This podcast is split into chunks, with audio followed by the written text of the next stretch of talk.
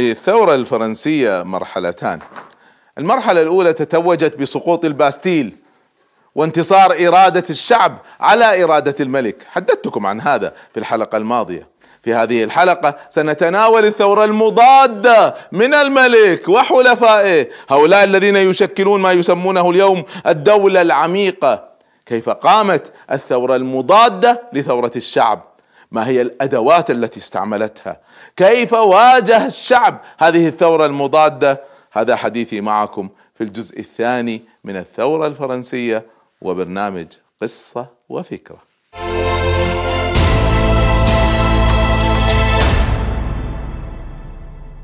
بعد سقوط سجن الباستيل في 14 7 1789 الذي أنهينا به الجزء الأول من حديثنا عن الثورة الفرنسية.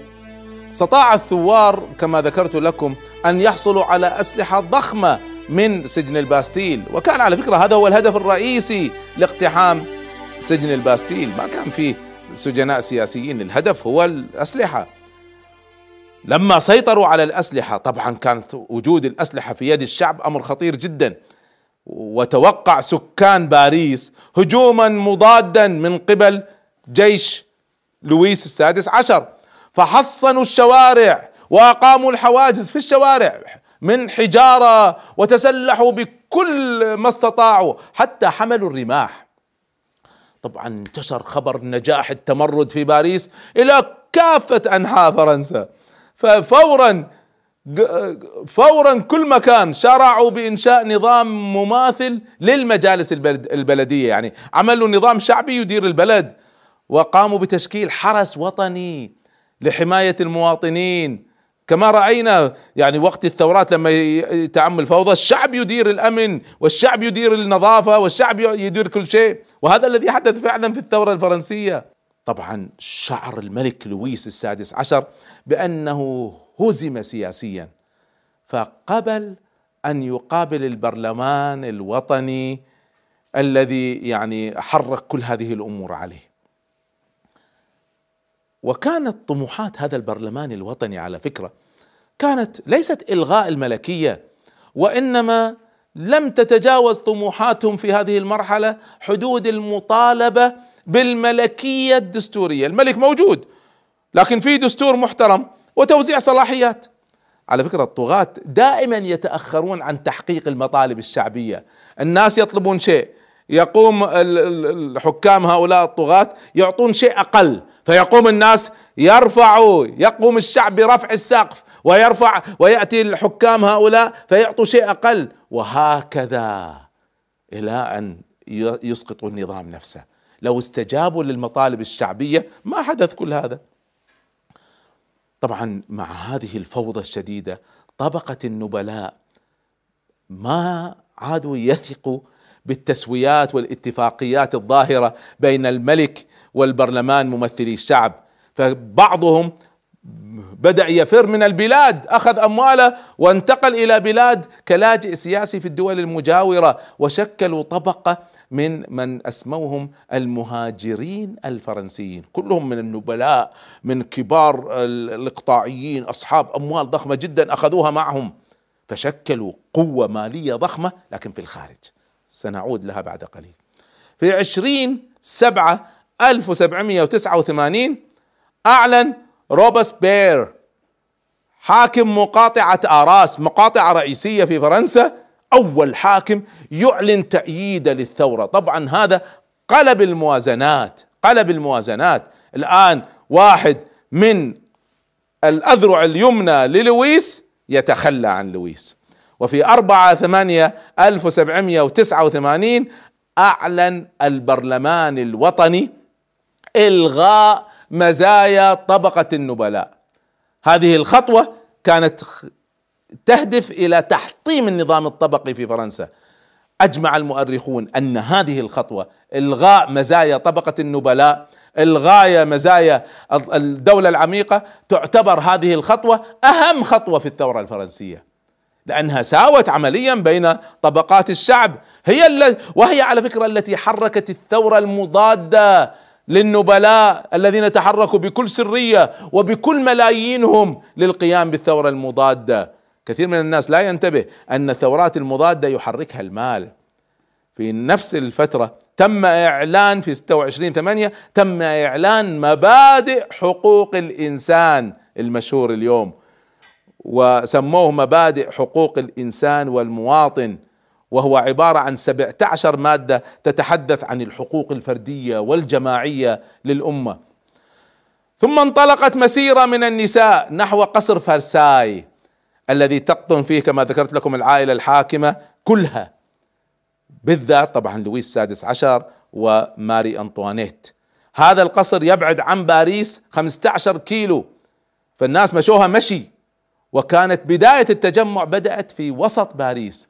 وطالبت المسيرة التي بدأت بالنظر في الحقوق النسائية والالتفات للحالة الاقتصادية الصعبة التي تواجهها المرأة. وبخاصة كما ذكرت لكم سابقا أن ثورات الخبز تقودها النساء فكانت ثورة خبز يعني أساس المسألة ثورة خبز. ما الذي حرك هذه المسيرة؟ إشاعة. إشاعة انتشرت بين الناس أن زوجة الملك ماريا أنطوانيت تحتكر القمح في قصر فرساي فقالوا الناس سنخرج القمح غصبا عنها. وطالبت أيضا هذه المسيرة بإيقاف العوائق اللي يضعها الملك والتي تمنع الجمعية الوطنية يعني البرلمان الوطني من القيام بوظائفه في الإصلاح. وطالبت ك يعني شرط من شروطها انتقال الملك إلى باريس. وفعلا وصلت ثورة النساء. سبعة آلاف امرأة تحركنا نحو فرساي طبعا هذا أصاب الناس بفزع. سبعة آلاف امرأة. فهنا جاءت النصائح للملك أن يستجيب فعندها تمكن قائد الحرس الوطني من إقناع الملك بأهمية الانتقال إلى باريس وفتح قصر فرساي للناس. وفعلا هذا الذي تم في السادس من أكتوبر 1789 طبعا كل هذا نتج عنه أنه ترسخت شرعية الجمعية الوطنية ترسخت شرعية البرلمان وأعلنت الجمعيه الوطنية البرلمان بأن جميع ممتلكات الكنيسة بعد ذلك أعلنت كل ممتلكات عشرة بالمئة من فرنسا بالإضافة إلى ملايين في المجوهرات وغيرها. بيد رجال الدين التعيسين هؤلاء كلها تحت تصرف الأمة لأنهم كانوا يساندون الطاغية ويستفيدون ماليا من اعطيات الطاغية. وفي ديسمبر دخل هذا القرار حيز التنفيذ فبدأت الجمعية الوطنية البرلمان تبيع الأراضي والعقارات التابعة للكنيسة لمن يدفع السعر الأعلى. وتطورت الأمور في العام التالي 1790 وانتخب روبسبيير رئيسا لنادي اليعاقبة Jacobians أو Jacobins نادي سياسي كان اسمه جمعية أصدقاء الدستور. له سبعة آلاف فرع نصف مليون عضو تأثير سياسي هائل. وكان هذا النادي متطرف ضد الملكية. كان على فكرة لا يريد ملكية دستورية كان يريد إلغاء كل الملكية واستبدالها بالجمهورية. بينما كان أعلى طموحات باقي الثوار هو الملكية الدستورية. وأصبح بناء على هذا مصطلح يعقوبي إلى اليوم أصبح رمزا للتطرف السياسي. صدر بعد ذلك الكتاب الأحمر. هذا الكتاب الذي أخذ يفضح هدايا لويس السادس عشر تجاوزت هداياه. 228 مليون فرنك مسجلة بجهات غير مفصح عنها. إيش الفساد المالي هذا؟ طبعا لو كشف الناس اليوم ممتلكات الطغاة لذهلوا من حجمها. ليست ملايين مليارات. ثم قام البرلمان بعد ذلك بقرار رئيسي ألغى طبقة النبلاء. كان في السابق ألغى مزاياها. الآن ألغى الطبقة نفسها وأل... وهي طبعا هي أكثر طبقة استفادت من الفساد في الدولة. هم الذين يشكلون الدولة العميقة ضد أي ثورة من الثورات. ثم أصدر البرلمان نظام سماه الحقوق المدنية لرجال الدين والذي اعتبر بموجبه أن رجال الدين هؤلاء مواطنين موظفين حكومة وحددوا رواتبهم. وليس لهم أي مزايا خاصة ويدفع ضرائب مثل الباقي. وبموجب هذا النظام فإن الأسقف ينتخب من قبل الذين يؤمنون بالكنيسة. وليس للبابا في روما. نفوا سلطة البابا في روما على أي شيء له علاقة بالكنيسة الكاثوليكية الفرنسية. في ديسمبر 1790 تطورت الأمور بتطور خطير.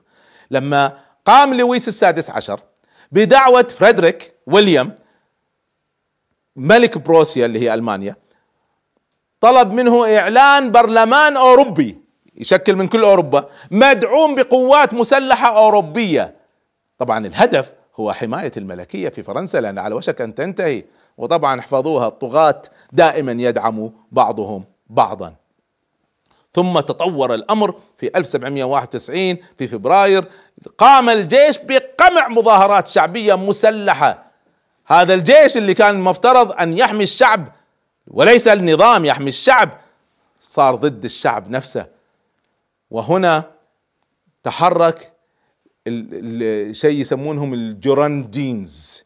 جيروندينز هؤلاء حزب سياسي أيد الثورة لكنه كان أقل تطرفا من اليعاقبة. هؤلاء مشكلين من النخبة المثقفة. ثقافتهم واسعة خبرتهم نظرية عالية. تمكنوا من إقناع البرلمان بضرورة إصدار قرار. اسمعوا قرار يقضي بمصادرة أملاك المهاجرين اللي كانوا في غالبيتهم من أقارب الأسرة المالكة ومن طبقة النبلاء ومن رجال الدين. هؤلاء الذين هربوا وإصدار حكم إعدام عليهم. إذا لم يعودوا إلى البلد قبل نهاية هذا العام. طبعا الآن صارت مواجهة مباشرة مع الدولة العميقة كما يسمونها اللي كانت ماسكة بالسر من وراء لويس. ثم قام الحرس الوطني بتدخل غريب. الحرس الوطني اكتشف أن لويس السادس عشر وعائلته قد رتبوا للهرب من البلاد فتدخل الحرس الوطني وأمسكهم قبل أن يغادروا البلد. طبعا بعض الناس يقولوا حرصا من الحرس الوطني على أنهم ما يكونوا أمام الشعب في فوهة البركان كما يقولوا فقبضوا على الملك وعائلته وهو هارب ورجعوهم إلى باريس.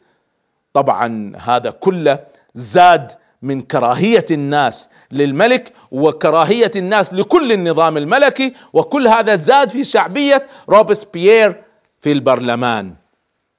ثم أجبر الملك آه، أجبر البرلمان الملك على تسليم كل ممتلكاته إلى الشعب. ثم صدر قانون يقضي بمنع المظاهرات. البرلمان نفسه اللي جاب الشعب بدأ يصدر قرار بمنع المظاهرات وحل جميع النقابات العمالية. والسبب أن كثرتها عطلت البلاد أعاقت الثورة نفسها. وما أشبه اليوم بالبارحة باسم الثورة كل من يريد مصلحته الآن.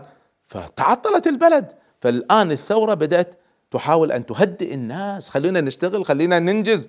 ولا يجوز الحكم على أي من يدير الثورة في سنة سنتين من حكمه لأن الشعب سقفهم عالي والنتائج طبعا محدودة بسبب الإرث الكريه والسنين من الفساد التي يرثها أي حاكم جديد.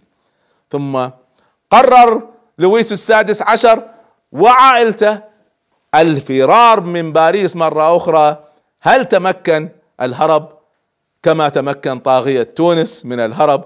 هذا ما سنعرفه بعد الفاصل إن شاء الله.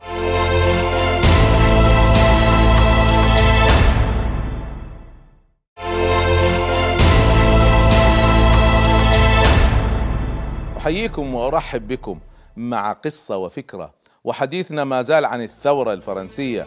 وتحدثنا كيف هبت الثورة حتى وصلنا إلى أن لويس السادس عشر ملك فرنسا وعائلته حاولوا الفرار من باريس لكنهم فشلوا مرة أخرى وتم القبض عليهم في 25 6 1791 وكان على وشك أن يصل للحدود النمساوية حيث كان متفق مع الجيش النمساوي أن ينضم إليهم ليرتب هجوم على الثوار ويعاد تنصيب ملك على فرنسا. قبضوا عليه. هزت محاولة هروب الملك. ثقة الشعب طبعا في لويس والملكية لا سيما أنه قبل أن يمشي ترك خطاب أعلن فيه عدم موافقته على جميع الإجراءات التي اتخذها البرلمان الوطني. هو رافض لكل هذا. ملكية دستورية هو رافض. وساد اعتقاد بأن الملك ينوي أن فعلا يستعين بجيش أجنبي على رعاياه. هنا طبعا اقترح بعضهم إلغاء الملكية بشكل نهائي وإقامة جمهورية لكن كانوا مترددين ما زالوا فاكتفوا بتعليق صلاحيات الملك مؤقتا ووضعوه وأهله تحت الإقامة الجبرية. في هذه المرحلة طبعا زاد خوف الفرنسيين من ظهور ثورات مضادة من أنصار الملك ومن الدولة العميقة التي تؤيد الملك أو حدوث اختراقات في صفوف الثوار من قبل أشخاص محسوبين على الملك. هنا بدأت الثورة بسبب هذا التوجس بالتضييق على الحريات وبالغت في الشكوك وقامت باعتقال حتى الثوار إذا شكوا في ولائهم انظر التوتر الذي حدث. خلال هذه الأثناء كانت أحداث خطيرة جدا تحدث في الجوار. النمسا وبروسيا اللي تحولت بعدين إلى ألمانيا. النمسا وبروسيا قاموا بإطلاق إعلان بيلنيتس بيلنيتس هذا الإعلان حذروا فيه من إيذاء الملك لويس السادس عشر دول المجاورة وطالبوا بإعادة السلطة المطلقة للملك. وهددت هاتان الدولتان بالتدخل العسكري في فرنسا من أجل إعادة الملك. طبعا الطغاة دائما يخشون من انتقال الثورات الشعبية إلى بلادهم. ودائما الطغاة يدعمون الطغاة. كان القلق في البداية على مصير لويس السادس عشر. الآن تحول القلق إلى قلق من انتقال الثورة إلى مواطنينهم هم. 3 ديسمبر 3 12 1791 أنهى البرلمان الجديد إنجاز دستور. وتم انتخاب برلمان جديد على أساسه. دستور طبعا خطوة رئيسية يحرص أعداء أي ثورة على المنع والانقلاب عليه. طبعا تحت الإقامة الجبرية اجبروا لويس السادس عشر على التوقيع على الدستور الجديد والذي نص على الملكية الدستورية. هو ملك لكن ليس له صلاحيات. وانتقل البرلمان بهذا الدستور من مرحلة التأسيس إلى مرحلة التشريع. كان لازم البرلمان يواجه عدة تحديات داخلية وخارجية. في الداخل كانت مشاعر بعض الفرنسيين بخاصة طبقة النبلاء كانت ما زالت مع الملكية السابقة. رجال الدين المناهضين للثورة وللأسف دائما تلقى رجال الدين أكثرهم يناهض الثورات للأسف مع أن الدين يدعو إلى الحرية والعدالة والكرامة. فقاموا بتحريض الفلاحين. رجال الدين يحرضوا الفلاحين في الأقاليم. فبدأت اضطرابات في في الأرياف. وفي المدن أيضا الدولة العميقة بدأت تحرك الثورات وانتشر التذمر بين العمال. ما في تحسن لأوضاعهم. دائما بعد الثورات الناس سقفها عالي تريد نتائج فورية. أما في الخارج مشكلتين. الأولى في المهاجرين أنصار لويس اللي ذكرنا لكم. هذول النبلاء الذين أخذوا أموالهم وتركوا فرنسا تجمعوا على طول الحدود الشمالية الشرقية لفرنسا وأخذوا يحرضون ملوك أوروبا والرأي العام ويدفعون الملايين للإعلام عشان التدخل في فرنسا. طبعا والمشكلة الثانية الحرب الخارجية. هنا الجمعية التشريعية الجديدة بدأت تركز على قضية الحرب الخارجية. ليش؟ قالوا خلونا نعلن الحرب على النمسا. اولا هي حرب وقائية نحافظ على منجزات الثورة وهي حرب ضرورية لنشر فكر الثورة ضد الملكية المطلقة. ننشرها في العالم بالإضافة أننا لو انتصرنا سنأخذ ثورات ثروات النمسا سنأخذها لصالح ثورتنا ونعالج مشكلة فرنسا الاقتصادية. إذا النمسا تهددنا إحنا نهجم عليها. وفعلا كان هذا هو القرار وبدأت الحرب بين فرنسا الثورية من جهة والنمسا وبروسيا تحالفوا من جهة أخرى. وفشل الجيش الفرنسي في الانتصار وتقدم الجيش النمساوي البروسي نحو فرنسا ودارت رحى الحرب في الأراضي الفرنسية نفسها. وانتشرت الشائعات بأن سبب الهزيمة هو الخيانة التي كانت من الملك وأعوانه الذين زودوا العدو بأسرار عسكرية. هنا هددت الإمبراطورية البروسية سكان فرنسا بالتدخل العسكري داخل باريس من أجل إعادة النظام الملكي وإلا يعني إما أن تعيدوا لويس وإلا سنهجم ونحتل باريس. طبعا كل هذا أظهر لويس السادس عشر بمظهر المتآمر مع أعداء الدولة على فرنسا في عشرة ثمانية ألف واثنين وتسعين قام اليعاقبة والجيروندز باقتحام مكان إقامة الملك في باريس واعتقلوا الملك وعائلته بعد معركة سقط فيها أكثر من ألف فرنسي. وفرضت القوى الشعبية الثورية سيطرتها على كل باريس وتمت السيطرة على قيادة الحرس الوطني وقتل قائد الحرس اللي يحمي لويس وتم تعيين قائد جديد ثم تم إيقاف الملك تحت الحراسة بانتظار دعوة مؤتمر وطني للبت هل تبقى الملكية يبقى العرش ولا ما يبقى؟ بعد ذلك تم تشكيل لجنة ثورية سموها الهيئة التنفيذية لإدارة البلاد. يترأسها دانتون أحد زعماء اليعاقبة الثوريين وهو كان المحرض الرئيسي على فكرة لهذه الأحداث احتلال قصر الملك. وأصبح الجيروندز اللي هم أيضا ثوريين لكن أقل ثورية. أصبحوا في عهد المؤتمر الوطني هذا أقلية يمثلون اتجاه يميني محافظ قليلا بينما الأكثرية بيد اليعاقبة. يمثلون اليسار المتطرف في الثورة. هنا حاول الجنرال ديمورييه لما شاف مغالاة اليعاقبة في الإساءة لأي خصوم لهم تدبير مؤامرة لإعادة الملكية لكنه أخفق. ففر إلى خصوم الثورة. هنا هذا اليعاقبة استغلوها واتهموا أن الجيرونز هم اللي عاونوه فاتهموهم جماعتهم بالثورة اتهموهم بالخيانة وأودعوهم السجون محاكمة شكلية وإلى المقصلة في عام 1794 وانتهى أمرهم. وهكذا الثورات تأكل أبنائها إذا لم يقدها أهل الحكمة والعقل. وشاعت أيضا إشاعة أن السجناء الملكيين يخططون للهروب من السجون فتم شن حملة دموية منظمة للانتقام من السجناء. فكانت مجزرة قتل فيها حوالي 1600 سجين في ثلاث أيام في سنازينهم أو في منصات الإعدام بدون محاكمات. وأشرف دانتون نفسه حامي الثورة أشرف على هذه المجازر. من هنا أخذ دانتون لقبه سفاح الثورة الفرنسية. حاولت طبعا حاول البرلمان الجمعية الشرعية التشريعية أن تضع حد لهذه المذابح دامت خمسة آه، دامت حتى خمسة من سبتمبر شهر تسعة لكنها لم تفلح. ولذلك احفظوها تماسك الجيش والأمن مهم لأي ثورة. في عشرين 12 1792 جرت معركة على هضبة فالمي وهناك لأول مرة الفرنسيين ينتصروا. انتصار ساحق على الغزاة البروسيين والنمساويين. هذا الانتصار خلده الشاعر الألماني الشهير غوتا الذي كان يراقب المعركة فقال من هذا المكان وفي هذا اليوم افتتحت افتتحت حقبة جديدة في تاريخ العالم. من أهم نتائج هذا الانتصار أن العناصر المتطرفة التي تقود فرنسا انتصرت في معركة رئيسية.